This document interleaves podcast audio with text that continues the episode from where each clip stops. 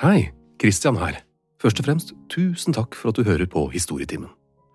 Det å lage disse episodene tar veldig mye tid, og hittil så har jeg jo bare kunnet gjøre dette her på fritiden og i helger og på kvelder. Og da blir det jo ikke så mange episoder i året. Men hvis jeg kunne gjort det på dagtid, da kunne det plutselig blitt en god del flere. Men det er jo avhengig av støtte, så derfor lurer jeg på følgende. Kunne du vært interessert i å betale en liten sum for å høre på Historietimen? La oss si 29 kroner i måneden, eller 49 kroner i måneden, eller ja. Svaret skriver du rett i Spotify-spilleren din hvis du bruker Spotify, og hvis du bruker en eller annen spiller, så send gjerne en mail til hei at gjenklangstudio.no med svaret ditt. Hei at gjenklangstudio.no. Sånn, da er det bare å starte episoden. Igjen, tusen takk.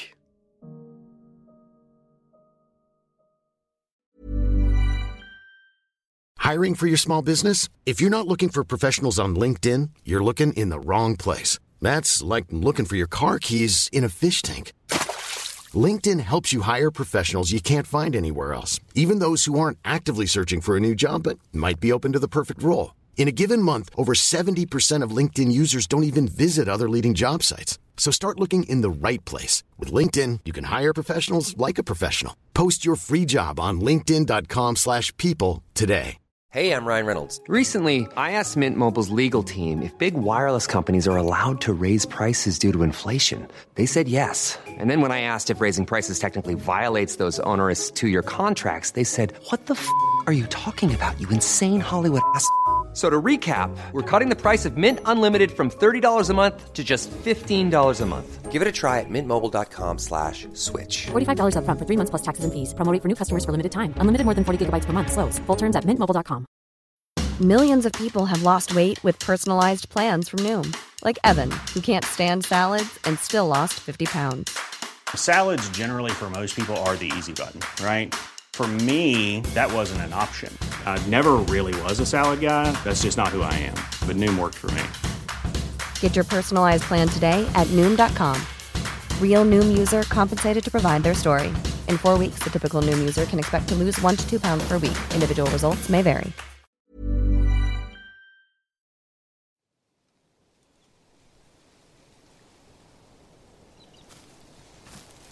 Vanlig julimorgen i Kansas i 1874 var tolv år gamle Lily Marks på vei for å hente vann fra brønnen da det plutselig skyet over. Hun stoppet opp. Det var noe som ikke stemte. Det ble så veldig mørkt. Hun så opp mot himmelen og så de mørke skyene nærme seg. De beveget seg for raskt og lagde en rar lyd. Hun begynte å gå bakover. Hun begynte å løpe. Det var så absolutt ikke skyer.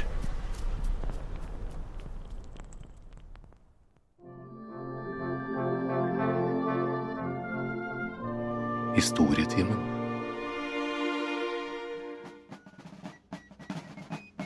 I 1865 var den amerikanske borgerkrigen endelig over.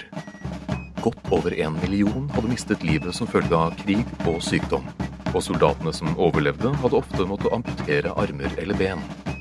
Året etter krigen hadde Mississippi brukt over halvparten av budsjettet sitt på proteser. Krigen hadde kostet. Ikke bare i menneskeliv, men også økonomisk. Det er ikke akkurat lett å for eksempel være bonde hvis du mangler et ben. I tillegg hadde korrupsjonsskandaler og håpløs styring kjørt landet solid inn i en økonomisk depresjon. Spesielt i sørstatene var det ille. Her hadde i tillegg militære slag ødelagt store områder med dyrkbar jord. Og med stadig flere immigranter kommende inn over Atlanterhavet, så måtte den unge jordbruksnasjonen finne på noe lurt. De så vestover. For i vest lå de store, åpne og tomme præriene ledige. Eller tomme og tomme, det var jo plenty med innfødte der, men det har da vel aldri stoppet en kolonimakt før? De kom derfor opp med The Homestead Acts, som kort fortalt gikk ut på at hvis du var frisk og rask, kunne du, for en svært billig penge, få et område på 640 kvadrat i Midtvesten. Eneste du måtte gjøre, var å dra dit, bygge deg et hjem og begynne med jordbruk. Og folk hoppet på sjansen. Den første Homestead-acten ble signert i 1862, og i ni år pøste det på med nybyggere til Midtvesten. Gård etter gård ble satt opp. inntil det kom en liten fartsdump i 1874. Løpende på vei hjem kom Lily Marks på at hun hadde hørt presten snakke om det hun nå så. Men det var i Egypt, ikke i Kansas. Men det hun så, var ekte. Den åttende landeplage hadde kommet, og milliarder av gresshopper hadde inntatt statene Kansas og Nebraska. Skyer av flyvende insekter dekket for solen så det ble helt mørkt. Da de landet, senket mørket seg til bakken. Hver centimeter av jorden var dekket i flere lag av summende insekter, opptil én meter i dybden.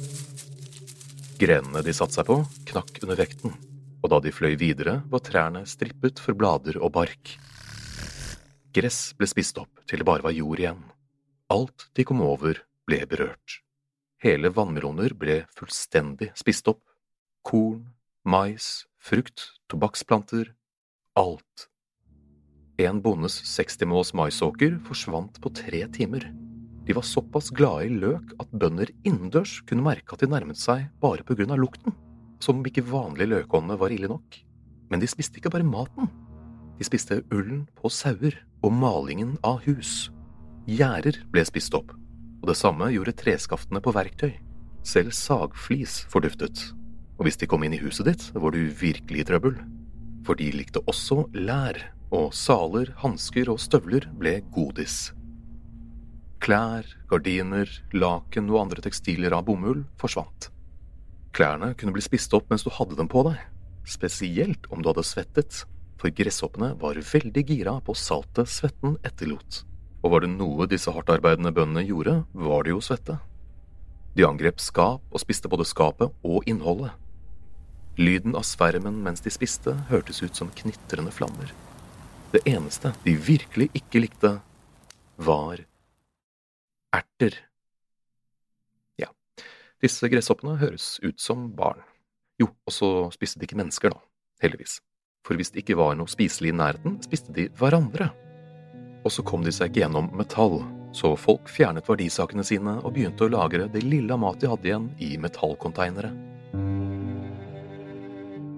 Det verste var hvis det kom ned i brønnen din, for gresshoppelikene gjorde vannet udrikkelig og uten vann har du virkelig et problem. Gresshopper på togskinner skapte også et problem, da fuktigheten fra splettede gresshopper gjorde skinnene isglatte. Det gjorde det ekstra vanskelig for nødforsyninger fra andre stater å komme frem. Hva som hadde truffet dem, var Rocky Mountain-gresshoppen. Vitenskapelig navn Melanoplus spretus Forenklet fortalt er Melanoplus slekten gresshoppe, mens spretus betyr avskydd eller foraktet. Populær skapning, altså. Gresshopper i seg selv var ingen nyhet for bøndene i USA. Det hadde blitt skrevet om dem siden de første nybyggerne slo seg ned, bare ikke i nærheten av så mange. Laura Ingalls Wilder, forfatteren av bøkene som ble Det lille huset på prærien, en serie mange av oss så på TV i sin tid, opplevde denne tiden som førstehåndskilde.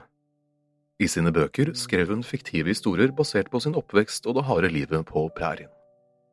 Da hun var syv år gammel, flyttet familien hennes til en gård. Det var i 1874. Nydelig timing da de kom frem samtidig som gresshoppene, og etter to år med ødelagte avlinger måtte de gi opp og flytte videre. Hun skrev at hun husket veldig godt lyden av millioner av tyggende kjever og hvordan de prøvde å lage vegger av ild og røyk for å hindre dem. For det var det eneste som virket til å hindre svermene på noen som helst måte. Flere skjøt mot dem med hagler og prøvde å sprenge dem med krutt, men ikke særlig effektivt.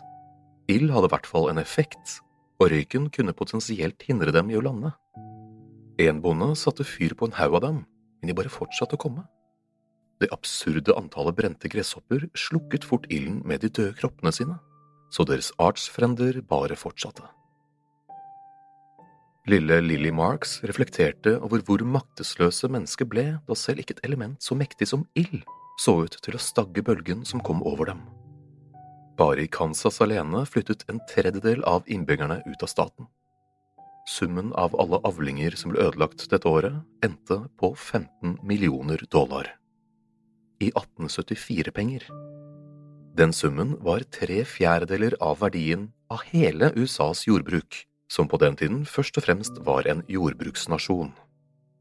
Plutselig, høsten 1874, ble de borte, like fort som de hadde dukket opp. De hadde kommet fra nordvest og spist seg sørøstover, for så på høsten å fly tilbake. I kjølvannet lå store områder nedstrippet og øde. Med nødhjelp fra andre stater begynte de som ikke hadde flyktet, nå tentativt å planlegge for neste vår. Flere reiste fra byene tilbake til gårdene sine. Noen kjøpte andres på billigsalg. For nå var krisen over. De var hardføre og skulle ikke la noen gresshopper stoppe drømmene sine. De skulle reise seg og begynne på nytt, og med tanke på matmangelen som hadde oppstått, kunne de nå ta gode penger for å streve på jordene sine. Våren etter, i 1875, sådde bøndene som før, og optimismen var å ta og kjenne på. Været var bra, og det så perfekt ut for en god avling. Men i slutten av april merker de at det er noe som ikke helt stemmer. Mange tror de begynner å se syner, at de hadde blitt syke eller arbeidet for hardt. For jordene deres begynner nå plutselig å røre på seg. For etter at fjorårets gresshoppesvermer hadde spist alt de kom over og ribbet hele stater for vegetasjon, hadde de, før de fløy videre, tilbake eller døde, lagt igjen egg. Og de eggene begynte nå å klekke. Igjen ble himmelen mørk, bare at denne gangen var det enda flere av dem. Fjorårets katastrofale svermer viste seg å være ingenting i forhold. Igjen stoppet tog opp og vann kunne ikke drikkes fra brønnene. Alt som kunne fortæres, ble fortært. En sverm var så stor at den brukte fem dager på å fly over et område uten å stoppe. Fem dager. Den dekket et område på 512 000 kvadratkilometer. Det er for store tall å se for seg, så tenk på det som cirka like stort som Frankrike. Estimert vekt på denne svermen er regnet til 27 millioner tonn. Antallet 120 billioner gresshopper, give or take. Ifølge Guinness rekordbok er dette den største samlingen av dyr noensinne dokumentert. Og nå var det ikke bare Kansas og Nebraska og litt av andre stater som ble berørt.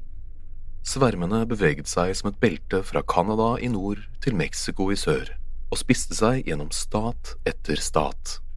Montana, Wyoming, Colorado, New Mexico, Nord- og Sør-Dakota, Nebraska, Kansas, Oklahoma, Texas, Minnesota, Iowa og Missouri. Selv om nødhjelp ble sendt fra byene på østkysten, var det mange der som mente at bøndene i Midtvesten som ble rammet, var svake og ikke stolte nok på Gud, og at de derfor ble besøkt av den åttende landeplage, sendt rett fra Gud selv så derfor ble det ikke sendt nok mat og hjelp til alle. Av ulike fantasifulle insentiver de ulike statene innførte for å få bukt på svermene, delte flere ut penger for hver innleverte bøtte med gresshopper. Bare i Nicolette County, Minnesota ble 882 tonn levert inn. Store summer, men det var fortsatt ikke en dråpe i gresshoppehavet. Og da høsten kom, reiste de nordvest igjen og nok en gang forlot de alt de hadde kommet over, strippet for absolutt alt. Året etter, i 1876, skjedde det samme på ny, men ikke like ekstremt. Dog ekstremt nok til at en sverm over Dallas var 600 meter høy og 90 kilometer bred. Å bli gresshoppet hadde nå blitt et verb. Beklager, men jeg kan ikke komme på besøk. Jeg har blitt eh, gresshoppet og mistet alt jeg eier.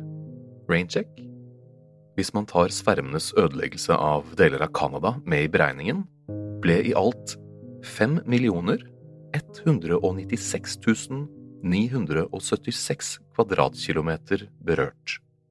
I størrelsesperspektiv blir det da over halvparten av USA eller halvparten av Europa. Bare se for deg halvparten av Europa strippet for alt av planteliv. Utenom erter, da, så klart.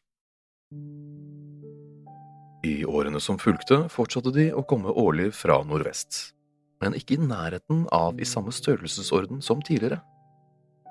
For hvert år som gikk, kom færre og færre. Etter hvert sluttet de helt å komme. så fort som de dukket opp, var de nå helt forsvunnet. I 1902 var arten faktisk helt utryddet. Hvorfor? Hvordan?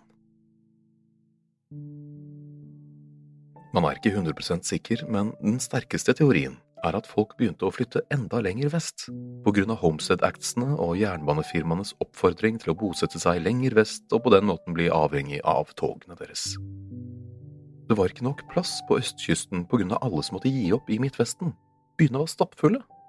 Så man fremmet insentiver til å sende folk enda lenger vest, der man selvsagt begynte med jordbruk. Og harvet opp og kultiverte jorden hvor gresshoppene opprinnelig klekket, og satt opp kunstige vanningssystemer der jorden var tørr. Uten å vite om det hadde mennesket fjernet problemet de hadde med dyrket jord, ved å dyrke mer jord, samt at årene som fulgte ble noen skikkelig regnår i vest, og gresshoppene måtte legge eggene sine i tørr jord. Ironisk nok var grunnen til at de migrerte til å begynne med, sannsynligvis fordi det var ekstremtørke der de opprinnelig holdt til, så de måtte flytte på seg for å få mat så de dro sørøst og kom til et passe tørt klima med masse mat, og så ballet det bare på seg. Det er også interessant å merke seg at det i tiårene etter gresshoppesvermene gikk svært bra for hvetebøndene i Midtvesten. Perioden ble av Mark Twain kalt den forgylte tidsalder, dog med et skråblikk. Her skjøt USAs velstand, innbyggertall og produksjon i været. Og heldigvis skulle landet aldri mer oppleve en slik ekstrem landeplage. Helt til 1997. Da Hansen-brødrene slapp sangen Mbap.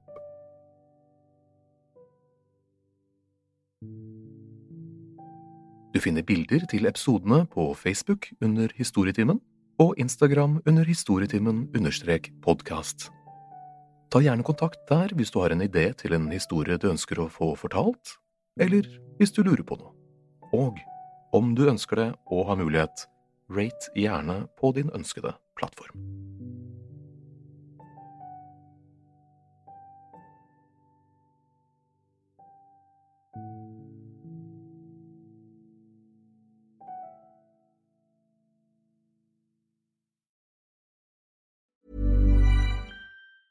Hi, I'm Daniel, founder of Pretty Litter. Did you know cats tend to hide symptoms of sickness and pain? I learned this the hard way after losing my cat, Gingy. So I created Pretty Litter, a health monitoring litter that helps detect early signs of illness by changing colors, saving you money and potentially your cat's life. Pretty Litter is veterinarian developed, and it's the easiest way to keep tabs on your fur baby's health right at home. Go to prettylitter.com and use code ACAST for 20% off your first order and a free cat toy. Terms and conditions apply. See site for details. Planning for your next trip?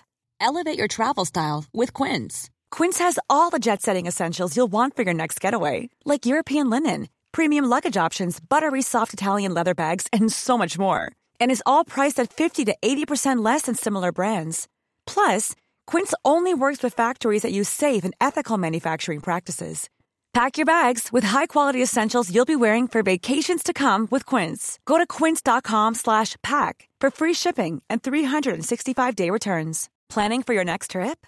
Elevate your travel style with Quince. Quince has all the jet-setting essentials you'll want for your next getaway, like European linen, premium luggage options, buttery soft Italian leather bags, and so much more. And is all priced at 50 to 80% less than similar brands.